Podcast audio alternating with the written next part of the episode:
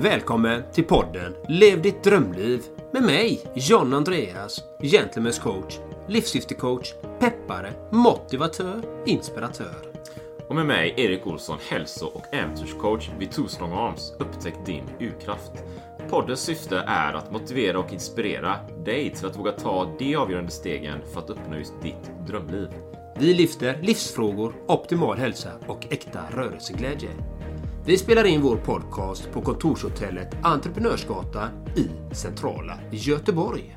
Ja, då var vi här igen då, Erik, med podcasten Lev ditt drömliv. Och vi har en fantastisk gäst idag. Han är, han är verkligen, verkligen, verkligen unik och han har en speciell resa att dela med sig av. Och, eh, eller vad säger du, Erik? Ja, så är det. Som eh, ni kära, du kära lyssnare vet, jag brinner ju extra för, för äventyret och, och liksom fysiska utmaningar och vad man kan göra eh, med det såklart. Um, så när jag, när jag fick tag på, eller så kallar det, dagens gäst här så bara, ah, det här är kul, det här är kul, det här är sjukt spännande. Så blev jag extra glad såklart. Va? Så idag har vi ingen mindre än Aron Andersson som gäst och vi ska som brukligt göra, vi ska låta vår gäst introducera sig själv och så tar vi helt enkelt allting därifrån. Det blir ju sjukt bra. Va? Så varmt välkommen Aron Andersson. Berätta lite om dig. Vem är du? Ja, men tack hörni. Kul att vara med. Jo, mitt namn är då Aron och jag är äventyrare. Och det som väl gör lite, mig lite så annorlunda som äventyrare, är att jag gör mina äventyr sittandes i rullstol. Så, så jag, fick, jag fick cancer som liten, hamnade i rullstol på grund av det och tog väl ett så beslut någon gång att säga hej, jag ska göra det bästa av de här liksom, förutsättningarna som jag har fått i livet. Och mitt sätt att göra det har handlat om äventyr. Millions of people have lost weight with personalized plans from Noom. Like Evan, who can't stand salads and still lost 50 pounds. Salads generally for most people are the easy button, right? For me, that wasn't an option. I never really was a salad guy. That's just not who I am. But Noom worked for me. Get your personalized plan today at Noom.com. Real Noom user compensated to provide their story. In four weeks, the typical Noom user can expect to lose one to two pounds per week. Individual results may vary. Hey, I'm Ryan Reynolds. At Mint Mobile, we like to do the opposite of what Big Wireless does. They charge you a lot we charge you a little. So naturally, when they announced they'd be raising their prices due to inflation, we decided to deflate our prices due to not hating you. That's right. We're cutting the price of Mint Unlimited from $30 a month to just $15 a month. Give it a try at mintmobile.com slash switch. $45 upfront for three months plus taxes and fees. Promote for new customers for limited time. Unlimited more than 40 gigabytes per month. Slows. Full terms at mintmobile.com. Many of us have those stubborn pounds that seem impossible to lose, no matter how good we eat or how hard we work out. My solution is PlushCare. PlushCare is a leading telehealth provider with doctors who are there for you day and night to partner with you in your weight loss journey. They can prescribe FDA-approved weight loss medications like Wagovi and Zepbound for those who qualify. Plus, they accept most insurance plans. To get started, visit plushcare.com slash weight loss. That's plushcare.com slash weight loss. Spännande. Och var är du uppvuxen någonstans, Aron? Då? Jag är uppvuxen i Nacka utanför Stockholm. Och vad är det som är så speciellt med Nacka då? jag vet inte faktiskt. Är det något som är speciellt med Nacka? Nej, men det är väl fint. Det är väl så här, nära till stan och nära till naturen. Nej, jag vet inte. Nej, det är nog inget speciellt faktiskt. Du finns där, det är det viktiga. Ja, men jag finns inte där längre. Mina, mina föräldrar finns där. Nu bor jag i Täby på andra sidan stan. Mm. Men eh, nej, men det var ju schysst att växa upp där. Nacka är fint liksom. Men ja, det är väl som vilken Visst, Finns det inte något så här eh, naturreservat där? Eller har jag inbillat mig det? Eh, jo, det finns en massa natur där. Det är liksom hela Ersta viken och hela det området tror jag, ja. tillhör Nacka. Och, ja, nej, men det är jäkligt schysst. Liksom. Saltis det, ligger i Nacka. Det är fint. kan man segla och sånt kul. Det är, för du, ehm, du, eller jag tänkte bara på kopplingen där. Äventyr, natur, Nacka. Kanske långsökt. Jag vet inte om det hänger ihop överhuvudtaget. Men, men berätta lite om din, din bakgrund. Så här, för jag tänker, jag läste ju på lite och du har gjort en del sjukt spännande grejer och inspirerande saker. Du liksom, eh, jag vet att du körde en svensk klassiker där också till exempel. I rullstol där också. Um, men, det, men det har ju liksom inte alltid varit så.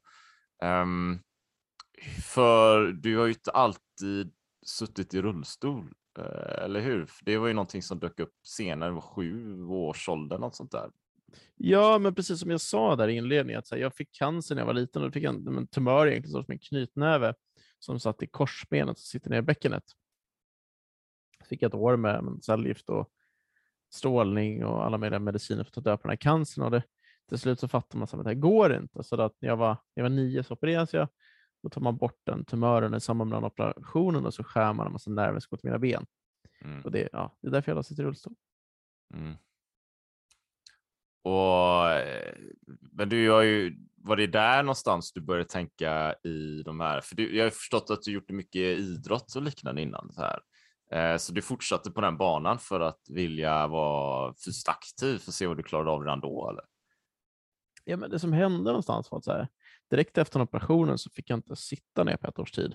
Ja. Eh, och, och, då var det ju svårt att hålla på med så mycket idrott, kunna gå lite med någon rollator så jag kan använda benen lite. Så, så att, nej, det var ju mycket liksom. Men när jag fick börja sitta ner så, så började jag idrotta. För jag hade ju sett så här, ja, men, idrott på Paralympics på tv och sånt där. och tyckte det såg kul ut. Så, så att jag, jag började testa alla möjliga sporter och det var ju så här, men det var friidrott, det var källhockey, segling, så här, rullstolsinnebandy, pingis, jag gjorde allt möjligt. Liksom. Men, men det som jag tror jag verkligen fastnade för var friidrotten och då var det mer så här, men, så här, köra bana i sån här snabb så här, tävlingsrullstol. Liksom. Körde allt från 100 meter upp till liksom, ja, typ 1500 meter i början.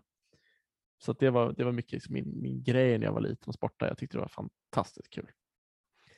Jag har en fråga. Vad är det som driver dig till att göra alla de här äventyren? Vi, alltså, det var skilt ganska mycket skulle jag säga. Alltså jag, jag vart ju utmanad göra mitt första äventyr 2013 med min kompis Johan. Jag vart utmanad att bestiga Kebnekaise. Och drivkraften där mycket handlade väl om att säga så här, kan jag klara av det här? Funkar det? Går det? Är det, är det möjligt att bestiga Sveriges högsta berg när man sitter liksom i rullstol? Så går det att göra. Eh, och, och, och det var ju så mycket det som var drivkraften och sen, sen någonstans byttes ju den drivkraften mer och mer till att bli andra grejer. Och idag skulle jag säga att jag drivs mycket mer av liksom glädje och se så här, gå, alltså så här, göra de här sakerna jag vill göra och se. Men dels kan jag göra det, men också så här, jag gör det för att jag älskar att göra det väldigt mycket. Och sen har vi gjort mycket för att samla in pengar till Barncancerfonden också. Och, och någonstans med så här, göra skillnad för barn och ungdomar som kämpar på samma sätt som, som jag kämpade när jag var liten. Men idag är det mycket mer glädje på ett annat sätt än vad det var från början. Då var det mer så att se, så här, går det här? Kan jag göra det? Mm. Spännande. Och vad är det du brinner för att göra nu då? Har du något projekt på gång som du brinner för att göra? Ja, absolut. N när kommer den här podden publiceras? Ja, Erik. det, beror, beror, det beror ju lite på det vad jag kan på prata om. Här, Okej, okay, det beror på så. Vi kommer nog släppa den eh, för den som lyssnar också. Då. Vi spelar in, det idag? Torsdag liksom. Men inom ett par veckor i alla fall. Två, tre kanske. Härifrån, dagens datum. Ja, men då tror vi att den kanske november. i slutet på november då, eller vad? Då tror vi. Ja. ja. Nej, men då kan vi nog prata om det. Så här, jag har ett projekt på gång nu som, som vi håller på att planera för fullt som ska bli jätteroligt att göra. Det att då ska vi ta fem stycken ungdomar som har haft cancer eh, och eh, paddla med dem utifrån Sandhamn in till Stockholms skärgård. Oh, så det, eller, in, från, från, egentligen in till Stockholm menar jag, inte Sandhamn ja. ligger i Stockholms skärgård, men, men från, från Sandhamn som ligger i Stockholms skärgård hela vägen in till liksom Stockholm city. Så. så det ska vi göra under tre dagar och sen ska vi också göra det som ett projekt för att samla in pengar till Barncancerfonden. Vad eh, vackert! Jag, jag vet inte, det kommer vara vet, slutet på november, ganska grått och jävligt. Jag hoppas att det blir vackert, men jag, jag vet inte. Ja, men intentionen! ja, vi släpper, men då, då, släpper vi det här i efteråt, eller? Ja, men precis. Kan, kan vi släppa det efter den 27 november så var det toppen. För de vet, grejen att, med det här projektet, att ungdomarna vet inte vad de ska göra för någonting. Nej. Jag tänker att det blir liksom en rolig, en rolig liksom utmaning för dem. så att så här, De har sagt ja till ett äventyr, de vet, vet inte vad de har sagt ja till och vet att de ska göra någonting med mig. Ja. Mer än så vet de inte. Eh, och ja, så ska jag ta med dem på, på den här paddelutmaningen. Och, det, och, det, och, den, och när, när, vilken dag börjar ni? Den 27, sa du det? Ja, vi, kom, precis, vi åker ut den 27 ut i skärgården och så börjar vi paddla på morgonen den 28 november. Och som man, man kanske förstår, alltså, den här paddeln är ju ganska så här soft att göra på sommaren. Ja, Det är så här, ja, så här 20 grader och sol liksom och bara glida runt där med sin kajak. Det är jäkligt chillat. Men att göra det här i slutet på november när det är kallt Ja. och kanske lite regn och, och blåst och ja, det, det, är som, det blir ju en helt annan nivå då plötsligt när man ska kämpa mot elementen och inte bara mot själva sträckan. Så det kommer att bli tuffare än vad vi tror. Spännande. Ni vill inte ha med en peppare då? Vi har ett helt gäng peppare med. Ja, men vill Tyvärr inte ha, den, vill inte ha Gentlemen's coach med som verkligen kan peppa igång som kan Ja, vara men- med. Ja, men nästa gång kanske. Nästa gång. Tyvärr är det fullt nu. Det är lite sent här inpå, men, nej, men nästa gång får jag hänga på. Det, det lät så himla kul. Mm. Faktiskt speciellt med ungdomar. Jag brinner ju för ungdomar, liksom, att de ska våga Mm. göra saker och de ska våga, våga vara sig själva och inte begränsa sig själva. Liksom. Så Mm. att jag brinner verkligen för det. Det var därför jag tyckte det lät så fint. Ja, ja. Nej, men det känns skitfint. Det ska bli jätte, jätteroligt att göra. Och det är alltid någonstans fint att kunna massa, men, visa för folk, eller kanske speciellt ungdomar, att så här, de klarar sig mycket mer än vad de tror Ja. ofta. Så Ja, här, även när man börjar bli lite trött, och sliten så, så har man ju mycket kvar. Så är och det det. gäller att förstå Så hur är man det. plockar ut det där. ja är det, precis. är det... Men det var tre dagar, sa du? Ja, precis. Vi kommer paddla under tre dagar. Så vi kommer tälta två, två nätter på väg. Kommer ni Och- filma och så också? Ja, men planen är ju att liksom göra mycket sociala medier och sånt un- under, under den här tiden och filma och posta och lägga upp och, så man kan följa hur det går för oss. Ja, men vad fint. Då kan jag kanske dela på min Instagram, eh, vidare dela någonting för er också. Ja, det vore ju fantastiskt. Det hade ju varit Det jättekul. Mm. Och hur, Faktiskt. hur, eh, hur många var det? Hur många ungdomar var det? Det är fem ungdomar som kommer med på det. Fem ungdomar, tre dagar i november. Vad, vad, har de någon erfarenhet av paddling innan? På det här sättet? Jag vet, jag vet inte. Jag tror Vad är de största... Har du träffat dem? Vet du vilka det är? Nej, inte det heller. Nej, men så här, jag la ut på min Facebook-sida här i, i slutet på, på sommaren att säga hej, vi ska göra ett äventyr för barn och ungdomar som haft cancer. Vi har gjort sådana här äventyr innan. Bland annat har vi varit Ja. på Kebnekaise innan. Vi har eh, vandrat till Trolltunga i Norge. Eh, vi har gjort lite sådana saker innan, så jag tänkte nu var det dags för ett till sådant här projekt. Så då la jag upp det att folk fick liksom gå in och ansöka. Så Ja. alla som jag tagit ut har liksom gått in och ansökt. Så här, jag vill vara med på det här. Bam, bam, Ja. bam, så. Eh, Och, så och hur väljer du ja, ut nej, dem men då? De verkar peppade.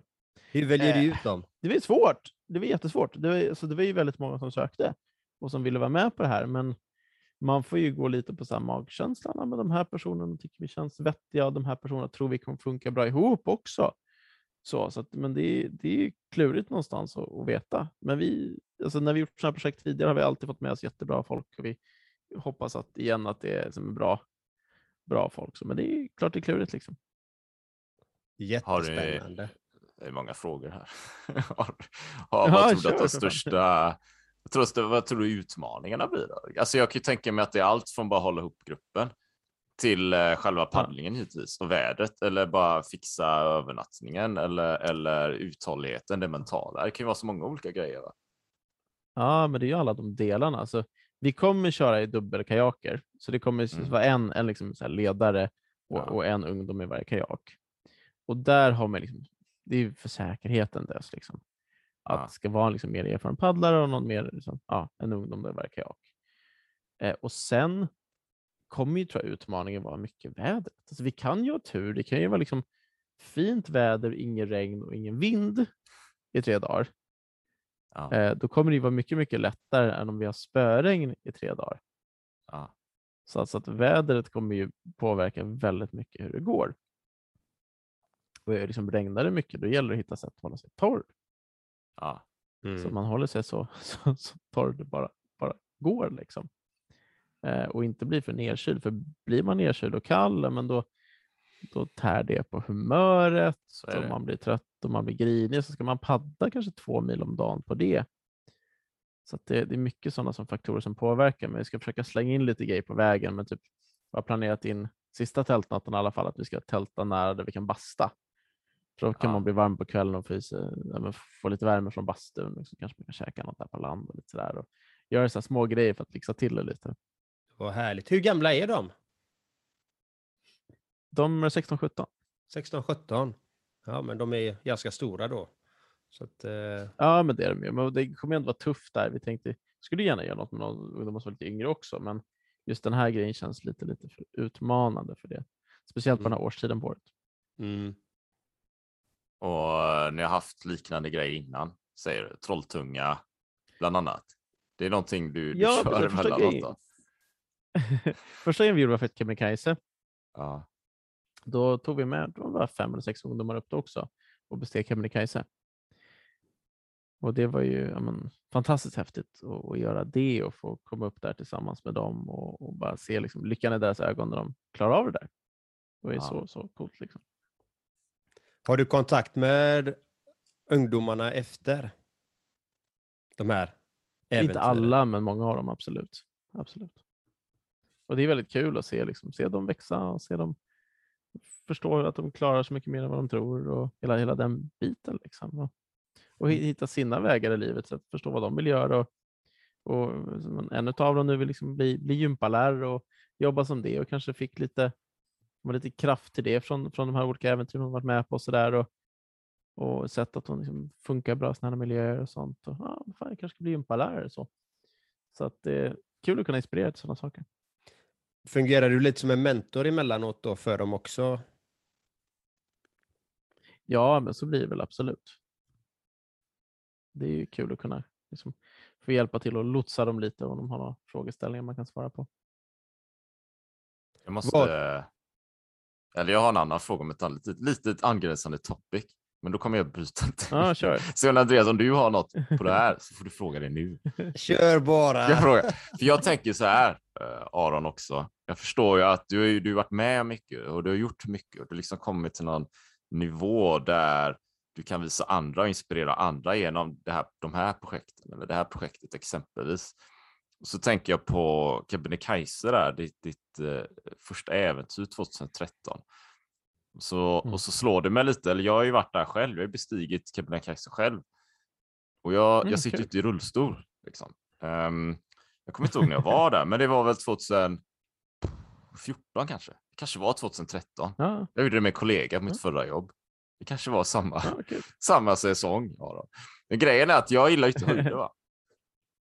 Så jag går upp för det här berget och så tänker jag Kebnekaise, vet, de har ju läst om eh, tidningar och sådär. Det är Sveriges högsta berg, vet, whatever. Liksom. Jag tänkte att vi bara drar dit och så är det väl någon sån här halvdan trappa såg jag framför mig med någon sån här reling och rep. Ja, det var det jag ärligt talat tänkte. Så här, ja.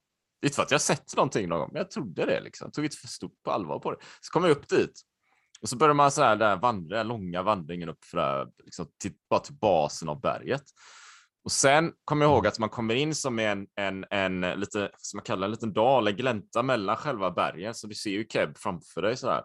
Och så ser jag bergsväggen, bara så här massiv bergsvägg med klippblock. Och så ena, på ena sidan finns det så här ett snöfall.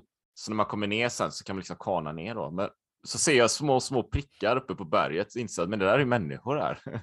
Ska jag upp där? jag vet inte fan om jag fixar det här. Så var jag med två, min kollega och hans tjej. Och så skulle vi gå upp där och de var, de var, de var inte, jag var lite snabbare än vad de var. Så jag, jag befann mig plötsligt liksom själv och följde de här markeringarna upp på berget. Och så insåg jag att men jag har nog kanske tappat rätt väg eller något, för jag, jag vet inte om jag är på rätt väg. Och så är jag för att komma vidare sitter jag gränsle över klippblock och skit, liksom, bara för att kunna ta mig fram. Va? Och jag var nej, det är, jag, är, jag är livrädd, jag är lite höjder. Och så fortsatte det upp till någon topp. Så där ser jag, inser jag att jag är inte ens på Kebnekaise egentligen, utan man ska ju ner för någon dal så här, långt ner. Sen ska man upp för själva Keb. Alltså min poäng här är att det, det är faktiskt ett seriöst jäkla berg. Alltså. Det är ett seriöst Mm. jäkla berg. Om man inte varit på Keb så, så man kanske inte ens fattat det. Man tror att det som jag tror att det är någon sån här reling, man, man tar hissen upp, men det är ju inte så. Och så tänker jag Aron, men, alltså du körde ju det här i rullstol liksom. Och nu när jag tänker på det, vet jag inte, hur, hur gör man då? För alltså, där, jag, jag, där, jag satt ju gränsle över klippblock. hur, hur gjorde du?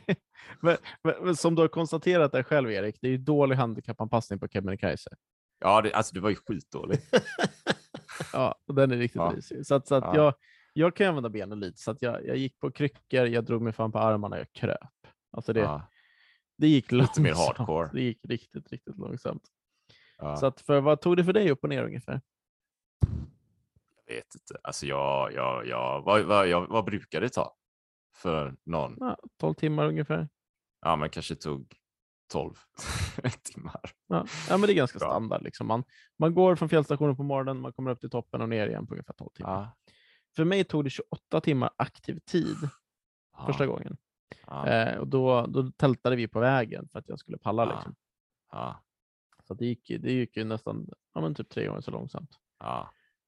Så det var ju, det var ju tufft. Liksom. Det var ju riktigt, riktigt kämpigt. Och, och där någonstans när jag hade det som, som värst och tyckte det var som jobbigast, ja. det gick jag tillbaka till den här gamla klassiska strategin att bara så här, men bara 100 meter till. Jag ska bara Ja. till den stenen där framme, sen bryter jag. Mm. Sen ringer vi helikoptern så struntar vi i det här. ja.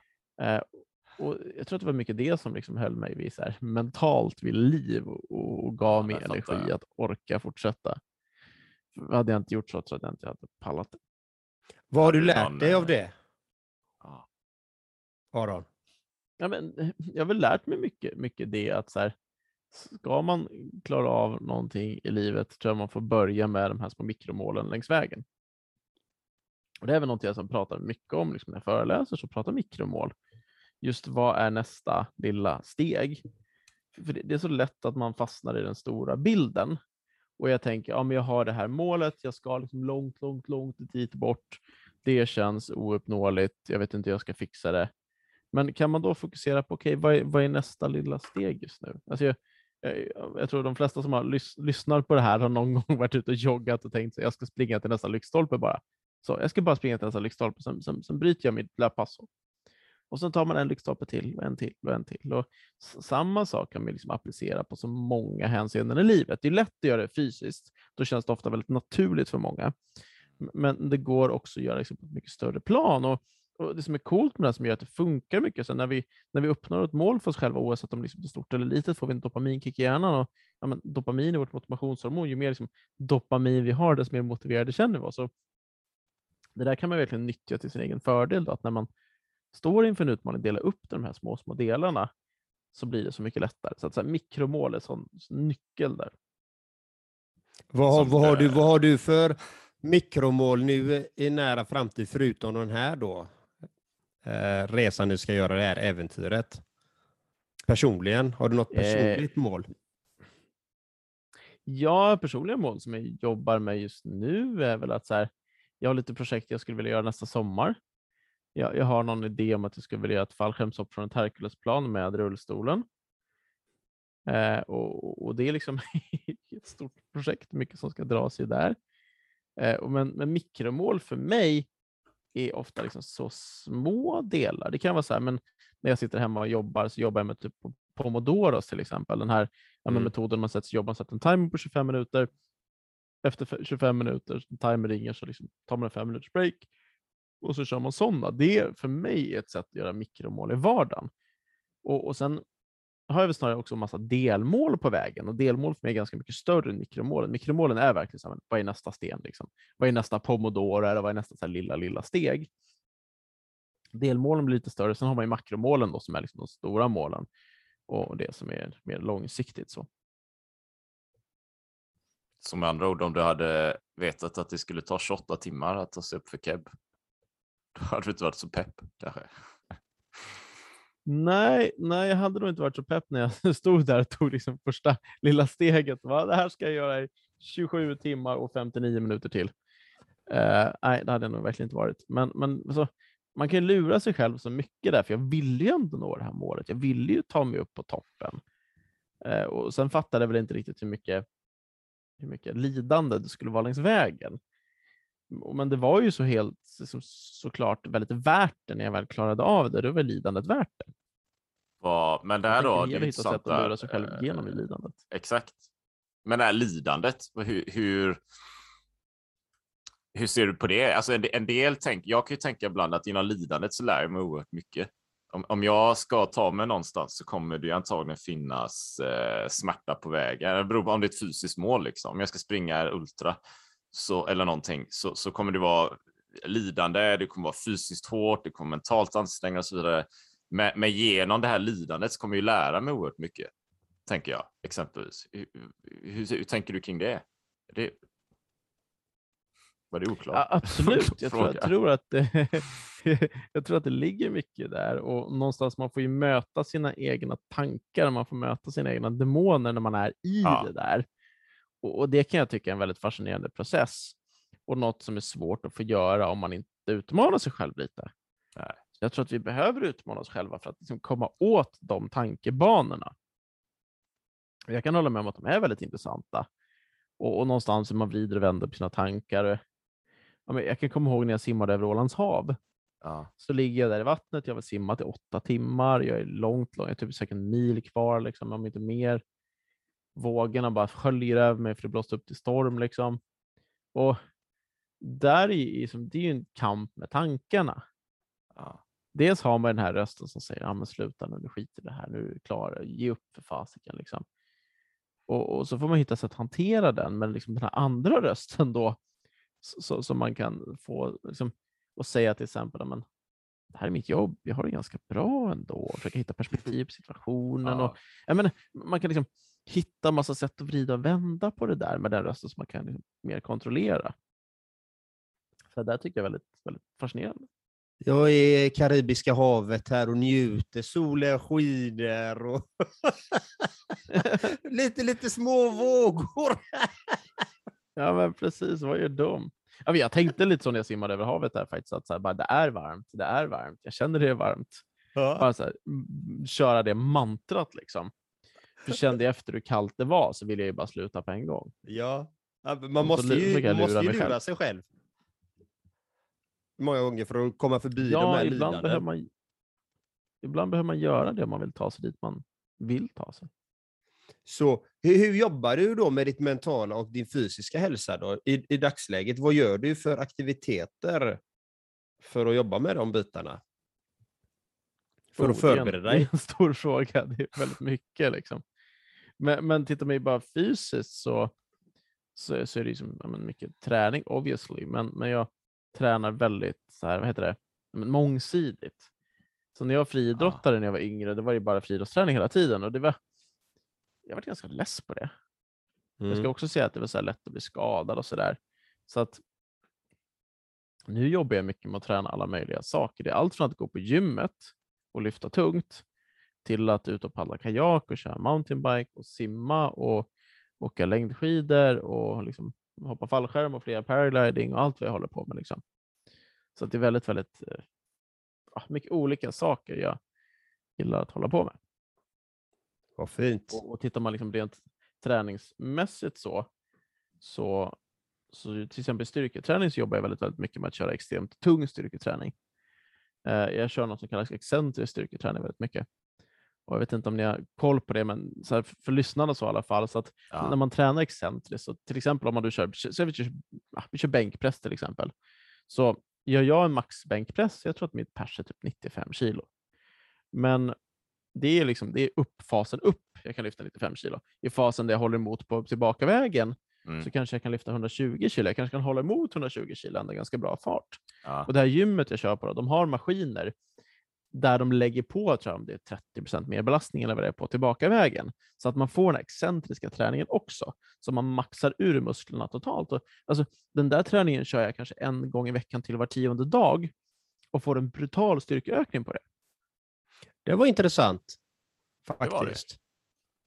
Ja, jag, jag tycker det. är- Alltså för, så här, jag vill inte lägga mer tid än vad jag behöver i gymmet. för Jag tycker gym är ganska tråkigt.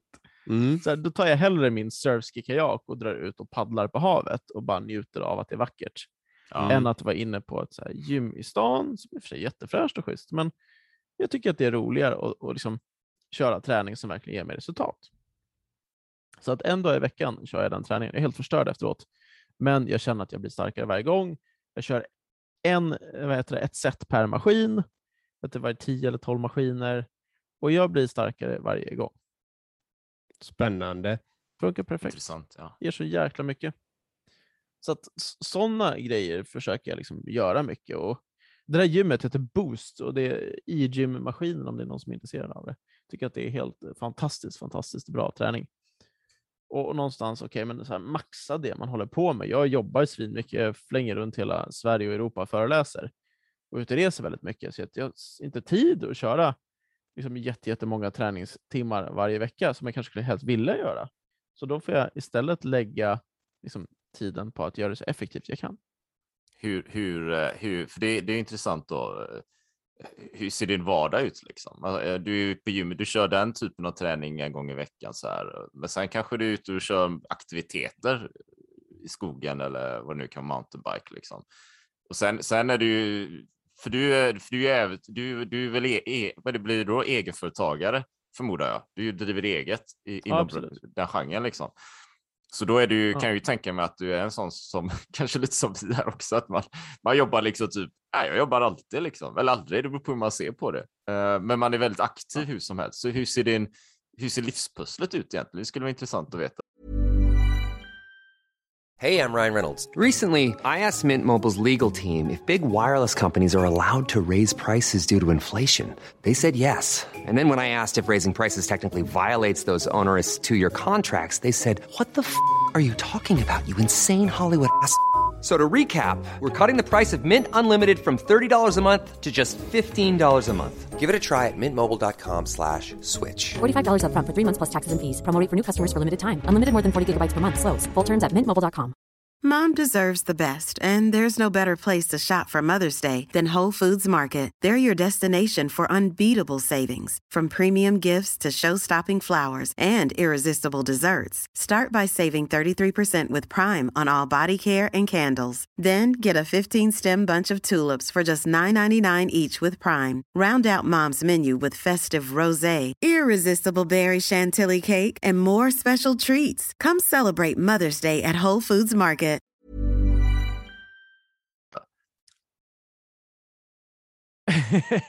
ja, ingen mm. vecka är väl en Och det går att svara på bara, ah, det vet det Ja, men som, som igår kom jag hem från Portugal. Ja. Igår natt hade jag varit där och hoppat fallskärm en vecka och, och, och tränat på olika fallskärmsgrejer.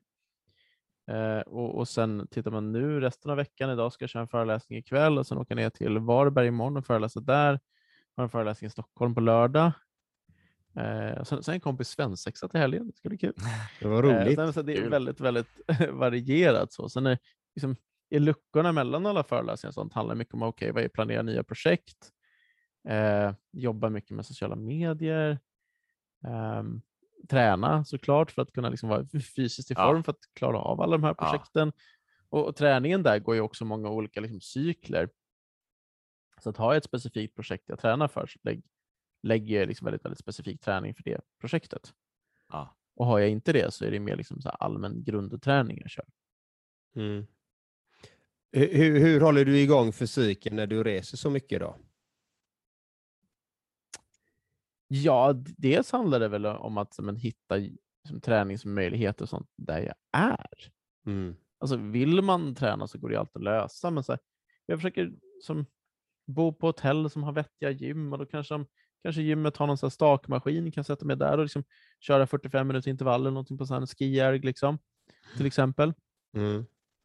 Så lite sådana saker man får, får jobba med. Men sen, för mig när jag reser handlar det också mycket om återhämtning. Mm.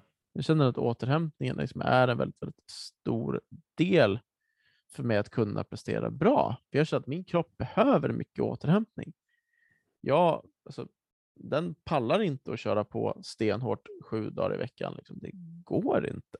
Jag orkar inte det, speciellt med mitt reseschema som jag har. Så, och för att återhämta mig så, så dels har jag så här manicker för återhämtning, biohacking-prylar och rött ljus och, och, och mäter återhämtning med Aura-ringen och allt vad det är för någonting. bara för att någonstans här, göra det så bra det går. Ja. Mm. Eh, och, och, sen är det också att känna in mentalt, så hur mår jag just nu? Är jag peppad med det jag gör? Och ger det här med energi? Liksom.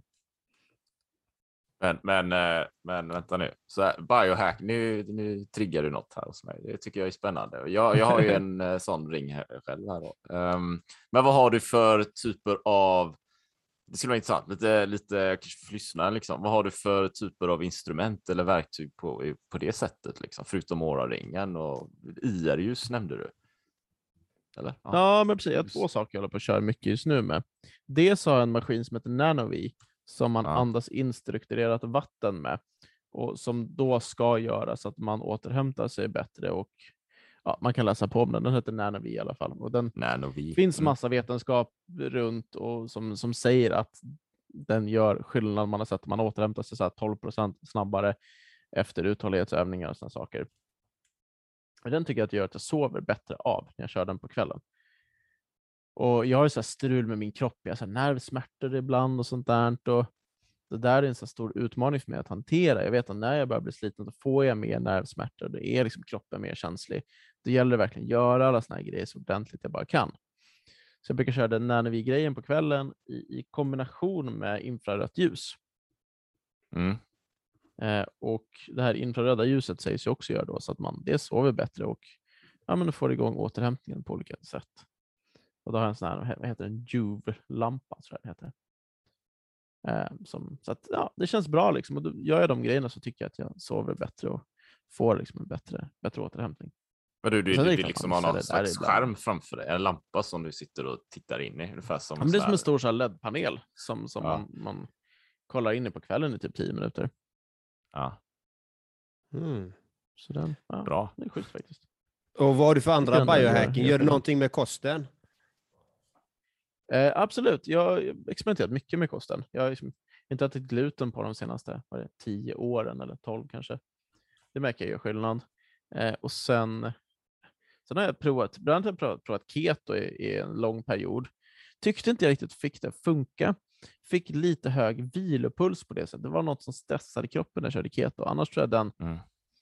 keto är jäkligt bra på väldigt många sätt att dra ner på kolhydraterna. Liksom. Ja. Det jag gör nu är att jag försöker liksom dela upp min dag. Att jag kör ofta keto till lunch, när man typ käkar någon form av kött eller fisk och tillsammans med grönsaker.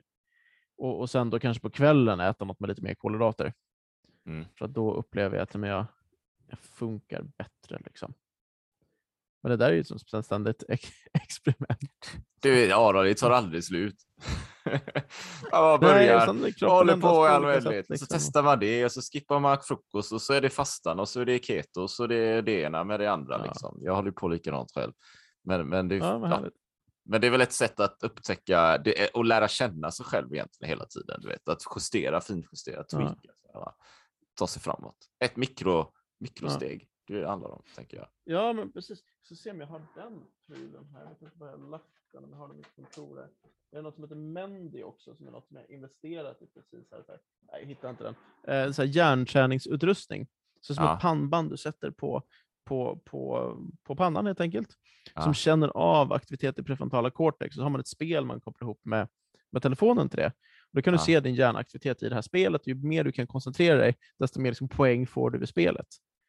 Eh, och det här jobbar man då för att liksom, träna upp hjärnan.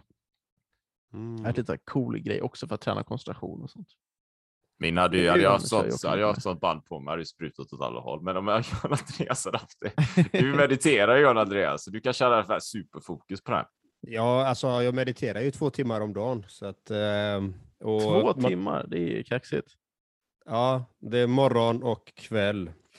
Jag har långsiktigt mål och det här är, det här är ju eh, mikromålen då, två timmar om dagen. Sen har jag ju det makromålet då, det är om två år så vill jag kunna bli antagen till att meditera 20, 20 dagar, 10 timmar om dagen i silence för mig själv i ett sånt retreat.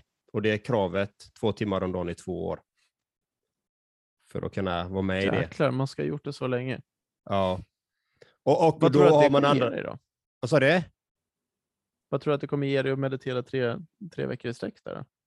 Eh, det, jag har ingen aning för att det, det längsta jag har gjort är ju tio dagar. Jag har gjort eh, fem, här, tio dagar. Ja, vid passarna. Fem, tio dagar och två, nio dagar har jag gjort där. Så, eh, och det blir alltid annorlunda varje gång. Man får med sig någonting. Man vet inte vad det är man arbetar med, Mm. men det är det undermedvetna som jobbar. liksom. Så man blir av med ilska, frustration, bitterhet, hat, alla, man blir gladare, man blir lyckligare, man blir mer kärleksfull, man blir mer medkännande, man blir snällare. Det är den upp, upplevelsen Mm. jag har. Plus att man får bättre fokus. Mycket bättre fokus. Mm. Så jag kan varmt rekommendera Vipassana då. Det är fantastiskt. Har Ja, du provat det? Testa. Jag har aldrig, aldrig gjort det. Nej, nej, aldrig, aldrig. Men det har varit häftigt. Nej, jag tror du hade, jag tror du hade gillat det faktiskt. Eh, efter tio dagar, inte när du sitter där. Mm. Där är li, lite är lidande som en ingrediens. Det är lidande. Mm. Det är lidande. Mycket lidande. Ja, För men, men om, om man möter sina, sina demoner när man simmar över Ålands hav så tror jag inte det är någonting mot när man sitter och mediterar i tio dagar i sträck. Vad sa du nu? Sa att eh, om man, om man någonstans möter sina röster och sina demoner när man simmar över ett hav så Ja. tror jag inte det är någonting jämfört med hur mycket man möter när du sitter och mediterar i tio dagar. Mm. Du gör Ja, ju det- ingenting heller. Liksom. Du möter ju bara dina egna tankar. Ja, och, och då får man ju se verkligen ens tankar på riktigt, liksom, utan att du ser vad, vad är det som händer i hjärnan. Vad, vad är det för tankar? Mycket, mycket samma tankar florerar i hjärnan också. Mycket tankar, likadana tankar. De kommer i olika skepnader, men det är ofta samma content liksom, som kommer upp. I För mig då har det varit så i alla fall. Så, att, eh, så jag kan rekommendera meditation. Och det, det tänkte jag fråga, mediterar du någonting eh, Aron? Nej, jag har kört den där liksom, guidade meditationen, den här, den här liksom, hjärnträningsutrustningen där. Det blir som en sorts meditation. Och i perioder har jag också gjort liksom, mer meditation, men just nu har jag ingen så meditationsperiod. Inte specifikt så. Mm. Men det kanske Nej. är dags att börja med igen. Ja, om man vill. Man ska, man ska testa. Jag gillar att testa nya saker. Jag älskar att utmana mig själv och lära mig nya saker av ren glädje. För att, ja, det här vill jag prova för jag tycker det här är roligt. Det är av den Mm. nyfikenheten. Har nyfiken med, nyfikenheten med i allting man gör, då blir det ju eh, mycket lättsammare, roligare, eh, mer spontant oftast också. Så, Jag håller helt med. Jo, du nämnde det innan där mellan raderna Aron. Fallskärmshoppning och så, och så läste jag så här. Ja, Apropå tisdag nya, nya grejer, ska ni prova fallskärmshoppning? jag har gjort det, men jag gör det gärna igen. Jag är på. Ja, du får komma och hoppa. Innan- Men har du, har du hoppat solo liksom. eller hoppat tandem? Nej, tandem. Solo kanske är next, next level stuff. Ja, Det är nästa nivå. Det nästa nivå. Shit. Det hade varit Jag- roligt att prova. Men vad var... vad... ja, det får du testa. Du sa ju precis att du gillar att prova nya grejer, så det är bara att komma och hoppa. Ja, var är du Va- någonstans att hoppa då? Var får man hoppa då? Jag hoppar framförallt i Västerås på Fallskärms, Västerås fallskärmsklubb. Mm. Som vi kommer det dit finns ju alla så... möjliga klubbar runt om i Sverige. Ja. Kom dit så får ni hoppa med mig. Jag vill, vill hoppa i din klubb med dig Aron. Ja, ja, men det är Västerås. Ja. Det är det som gäller. Jag, gjorde- Ja. Jag, gjorde med, jag, gjorde, jag var i Ja. Nya Zeeland, bodde där en sväng. Och Ah, eh, där ska man göra massa äventyrsgrejer. Sådär. Så, bara, så jag bokade så här någon instruktion och så gick man igenom hur man skulle fixa och skärmar och grejer. Och sen åkte man upp i det där planet. Och så ska jag öppna den där luckan. Blåste det så, så satan där ute. Så planet bara så här. Det var ju dramatiskt. Jag hade aldrig gjort det här innan. Och så bara, ha, jag satt ju fastspänd med en annan snubbe liksom, bakom mig. så. Jag var ju på hans eh, mage. Va, typ. Och så går man ut och så hoppar Ja. man ut sådär. Så jag gjorde inte så mycket, men eh, det var, det var ju en, en fantastisk upplevelse eh, som jag gärna gör igen såklart. Um, så bara vara ute ingenstans. Så. Ehm, men, men Aron, jag, du, du, du har väl satt någon slags rekord här? Eller hur? Är det så? Ja, precis. Jag slog svenskt rekord i somras i fallskärmshoppning. Eh, och det, det rekordet jag Bra. slog då var att göra flest hopp på en dag. Ja. Eh, och då på, på ungefär 12 timmar så gjorde jag 145 hopp. Herregud. Det Det det. här är en riktig våghalsig man här. Herregud! Han är crazy! Bara så ni vet. Vad roligt! Du är ju riktigt Ja, det var kul. Det var cool, cool känsla, kul utmaning. Ja, verkligen. Då, Ja. Då är det bara skyttetrafik då eller? Liksom. Börja börja landa, bara ah, fixa, Ja, packa, men så här, i sen hoppa vanliga upp igen fall och när man zoom, zoom, zoom, hoppar- zoom. Ja, Ja, men så, så jag tänker som du hoppade i Nya Zeeland där, då skulle jag tippa på att ni hoppade från ungefär 4000 meter. Vilket Ja. är så här standard. standard. gjorde Eh, standard. och när jag hoppade nu så hoppade jag från 700 meter. Ja. Och då hoppar jag ut och så drar jag min fallskärm på en gång och så spiralar jag ner till marken för att komma ner så fort det går. Bara landar, tar fallskärmen och så har jag folk på marken och så stoppar på min ny fallskärm och så bara upp igen. Och, och så medan jag är uppe då så packar de de andra fallskärmarna. Så tror vi hade sex eller det var sju fallskärmar som vi som höll på att packades hela tiden då, så man alltid har någon att hoppa. Om man, mindre, om, man, om man har 700 meter så har man mindre tid på sig att dra det här snöret, tänker jag. Ja, precis. Det gäller ju att, att dra, dra på en gång när man hoppar ut. Då är det bara att hoppa ut och dra fallskärmen och ja, hoppas att den kommer ut som den ska. Då kanske man blir så här, men det är bara att dra snöret och så blir man, man blir så bekväm av sig. Man har fattat att du, du vet, Ja. du hoppar fallskärm. Liksom. Ja, men man blir lite avtruppad efter en stund. Första så här, tio hoppen var man ju väldigt så här, då var man väldigt mycket så här, med och nerv och så. Okej, då är man väldigt närvarande. Bara, "Husch, nu kör vi det här. Men, men sen börjar man slappna av. Man bara hoppar ut och bara drar. Men så då på tror hopp 80 ungefär. Ja. Så hoppar jag ut, drar skärmen och sen, så känner jag att när den kommer ut att det är någonting som är fel. För fallskärmen kommer ut, men på en gång när den kommer ut så börjar den rotera. Mm. Eh, Och då, då vet jag att nu hänger jag ju väldigt lågt. Mm. Så jag har inte så mycket marginaler, jag har inte så mycket tid på mig att, att lösa det här. För hade man dragit fallskärmen högre så hade man kanske kunnat fixa det där. Men nu var det så här, nej det här kommer inte gå. Då tar man ett, ett, liksom ett handtag man har på, den här, på fallskärmsriggen, då, så drar man den, tjup, så lo- lossnar fallskärmen. Mm. Och sen tar man ett annat handtag, man drar reserven. Så då, då vart man ju lite, lite piggare igen av att Vakna. dra reserven. Bara, Wow. Fick man en riktig boost av adrenalin. Läskigt Ja, ändå. Det var nice. ja, ja, ja, visst. Ja, men det är inte att leka med liksom. Är det, Ja, är det här en ja, eh, metod du rekommenderar. Aron? Om, om, man har, eh, om man är höjdrädd eller någonting? Ja, men då kan du alltid hoppa 145 hopp under 24 timmar så löser man det sen. så botar det höjdrädsla. Ja, det botar allting. Men, men grejen, det som är med fallskärmshoppning, många tror att ah, men jag är höjdrädd så jag skulle inte vilja göra det. Men alltså, när man hoppar ut i vanliga fall så är man inte höjdrädd för man är så högt upp. Du tappar liksom perspektivet på höjdrädslan. Ja. Så man ja, fattar inte riktigt hur att man är. Jag körde ju, körde ju bungyjump innan i Nya Zeeland. Eh, Det, det var värre. Ja, det väl värre, För då va? såg jag ju marken. Vet. Ja. Ehm, Det, var, det var mer läskigt på något sätt. Mer nära. Bara, marken är ju där. Ja, men precis. Man blir så himla nära marken då. Det blir så på riktigt och bara så så. Men fallskärmshopp är- blir så högt upp så du tappar lite det perspektivet. Spännande. Men eh, vilken, eh, vilka grejer Aron? Alltså du har gjort sjukt mycket saker och olika prylar och du har ju ett varierande liv också. Du sitter ju inte så här i, i, i, i ru- rutinerna. Alla dagar ser exakt likadana ut direkt. Utan eh, Nej, det är inte min skapat något annat här Det är känner jag.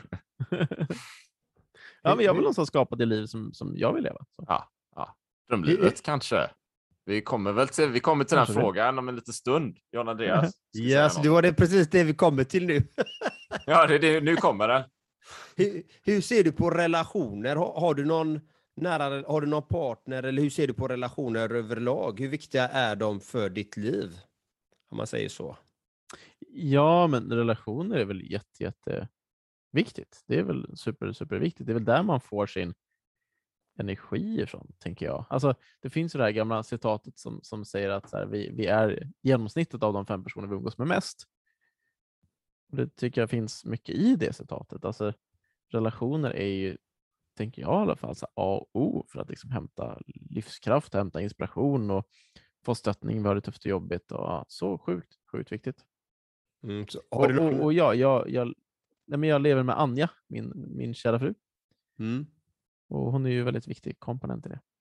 Ja, hon stöttar dig till 100 procent. Hon är bra hon. Ja. Gillar hon att hoppa fallskärm också? Nej. Nej. Hon har testat det, det fick räcka. Och om man säger relationer för dig då, du säger de, att de fem närmaste, närmaste människorna då, att man blir som man umgås. Och vilka är det som du har i din närmaste krets som du faktiskt livssyft av då? Vad är det som är så specifikt med dem som hjälper dig så mycket? Det är väl alla möjliga personer, men alltså, jag tror att mycket är att... Alltså, ska vi ta en polare som ett exempel där? Eh, så här, träningskompis. Vi liksom tränar väldigt, väldigt mycket tillsammans och gjort det i många, många år. Och alltså, vi är alltid jävligt kul tillsammans. Vi garvar alltid jäkligt mycket tillsammans. Vi, vi liksom, även om man har haft en liksom, risig dag och man känner sig trött och jävlig så här, så alltid när vi är ute ihop så har vi det kul. Liksom. Vi ger varandra energi, liksom, vi föder varandra så. Och, och, och, det tycker jag är så jäkla vackert, för jag, liksom, jag vet ju att har jag, har jag, har jag haft en, en liksom, bara rutten dag man är bara så trött och jävlig så, här, så, så, så, varje gång jag hänger med honom då så, så blir det bättre. Vad fint. Nej, men det är verkligen det. Jag tycker det ger så, så jäkla mycket. Så att fler sådana kompisar i livet. Hur länge har ni känt varandra då? Oh, vi lärde känna varandra när vi cyklade till Paris 2013. Så att, ja, vi har väl åtta års jubileum snart. Då. Eller vi har, vi har haft det. Vad fint! Ja, men det är härligt. Ja. Och det är mycket frågor. Är det någonting som du vill dela med dig av till lyssnarna? Något, något tips, någon, någonting de ska tänka på eller något sånt här? Som du känner att du vill dela med dig av? Som du, som du brinner lite extra för att dela med dig av?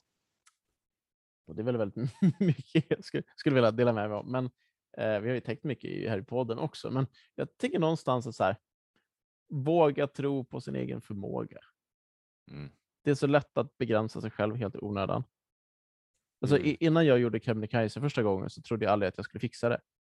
Jag, jag gick egentligen bara med på att göra för att en polare tjatade. Och sen så gick det liksom. Och det ögonblicket när jag stod där uppe på toppen har förändrat mitt liv. Jag fattade då att så här, hej, jag klarar så mycket mer än vad jag trodde var möjligt. Och, och, och det ledde in mig på nästa tanke som var så bara, okej, jag undrar vad som mer är möjligt då? Mm. Och Exakt. jag tror att det finns så mycket i det där, så här, våga, våga tro på sin förmåga, eller i alla fall våga testa. Bara våga utmana sig själv. Vad kan jag klara av för någonting? Vad går min gräns? Och ofta tror jag inte man upptäcker den gränsen förrän man verkligen vågar utmana den. Mm. Och för mig i alla fall, jag tror för, för många andra är det någonstans att förstå, jag tror det är viktigt att förstå vad man själv är kapabel till. För att någonstans kunna styra sitt liv efter det. Liksom. Och inte efter vad omvärlden tror att du är kapabel till. Värdefullt, värdefullt. Fina ord. Jag tänker att eh, man har, eller två tankar. Dels så handlar det mycket om, som jag tänker, att när, när man kommer till en viss gräns, fixar jag det här?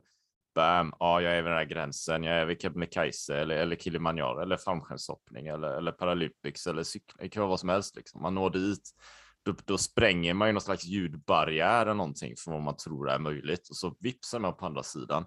Jaha, och där Mm. uppenbarar sig en ny verklighet. Och vad är möjligt nu då i den här nya verkligheten? Så jag inte visste existera innan jag tog mig igenom den här ljudbarriären. Då. Så, så, Mhm. så spontan tanke också. Sen tänker jag givetvis för lyssnarna här, och de, de vill ju få tag på Aron nu och de vill ju kanske också hoppa fallskärm i Västerås. Och de kanske vill göra 146 Ja, men det måste de komma göra. lopp eller någonting. Vad- Hur kan de nå dig då? De får slå Aron, mitt liksom? rekord. Nej, men det är väl lättast på, på Instagram eller Facebook. Det är bara sök på Aron Andersson så hittar man mig. Mm. Så det är in och, in och häng med mig där. Ni är varmt välkomna. Finns på LinkedIn också, Aron Andersson. Så Mm. det är bara Grymt. kom in och häng. Grymt. Grymt. Härligt. Vi har, vi har ju alltid en sista fråga har vi till alla våra fantastiska gäster. För det har vi. Ska du eller jag, Erik, ställa den? Ba, ba, ba, ba, ba. Äh, Jag vet inte. Jag, kan ställa den. Jag ställer den. Jag Ja. vill ställa den. Ja. Aron, Aron, det här är en väldigt, väldigt djup fråga faktiskt. Fast inte ändå kanske på sätt och vis. Vår podd heter ju Lev ditt drömliv. Så, så vår sista fråga kan du gissa dig till vad det kanske är. Då. Men Aron, Anders, lever du ditt drömliv? Men jag tycker det, men, men det är ju alltid som en... För, alltså, drömlivet är ju alltid någonting som utvecklas hela tiden. Alltså, jag lever lite mitt drömliv nu som jag ville ha för liksom sex sju år sedan. Så drömde jag om det här livet jag lever nu. Nu drömmer jag liksom om ett liv som är så här 2.0 om det här. Mm. Så, att, så att jag lever ju mitt drömliv för fem sex år sedan. Men jag lever inte mitt drömliv som jag har nu, för det vill jag. Så så här, sen är det klart att jag har ett jäkligt bra liv. Jag är, det är skitbra liksom. Men jag tänker att jag alltid vill ha det lite bättre. Det är alltid små saker jag vill förändra. Så, där. så att ja, jag är väl på väg mot mitt nya drömliv, tänker jag. Vad fint. Tack, För det är en ständig Aron. process. Utveckling kallas Det också med ett annat ord. Ja, men då tackar vi för det här fantastiska mötet. Tack till alla våra kära lyssnare att ni har hängt med på ännu en fantastisk resa med Lev ditt drömliv med Aron. Äventyraren, den magnifike äventyraren, föreläsaren som älskar att hoppa fallskärm. Ha en trevlig dag, ha det gott så länge. Ja, ja, men tack, Aron. detsamma. Tusen tack till Ha er, det Erik och. Jan. Ha en superhärlig dag nu, så hörs vi. Kram på er. fantastiskt. Ja, hej hej. Ännu ett fantastiskt avsnitt. Tack till dig för att du lyssnat på vår podcast. Det vore magiskt om du vill lämna en positiv recension på podden vid exempelvis Apple Podcast eller den plattform som du har valt. Så att fler kommer kunna upptäcka podden och det värde vi bidrar med. Så att vi kan hjälpa fler att uppnå sina drömliv. Tack från oss. Ha en magisk dag.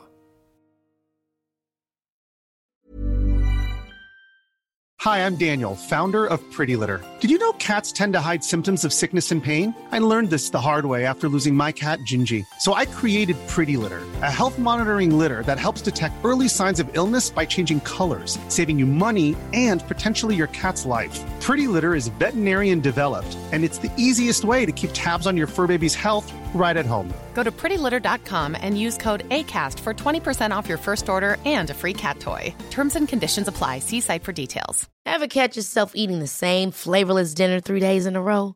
Dreaming of something better? Well, HelloFresh is your guilt-free dream come true, baby. It's me, Kiki Palmer.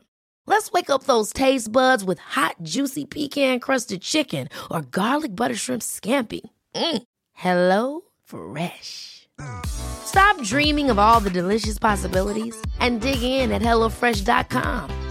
Let's get this dinner party started. Imagine the softest sheets you've ever felt. Now imagine them getting even softer over time. That's what you'll feel with Bowl and Branch's organic cotton sheets. In a recent customer survey, 96% replied that Bowl and Branch sheets get softer with every wash. Start getting your best night's sleep in these sheets that get softer and softer for years to come. Try their sheets with a 30-night guarantee. Plus, get 15% off your first order at bowlandbranch.com. Code BUTTERY. Exclusions apply. See site for details.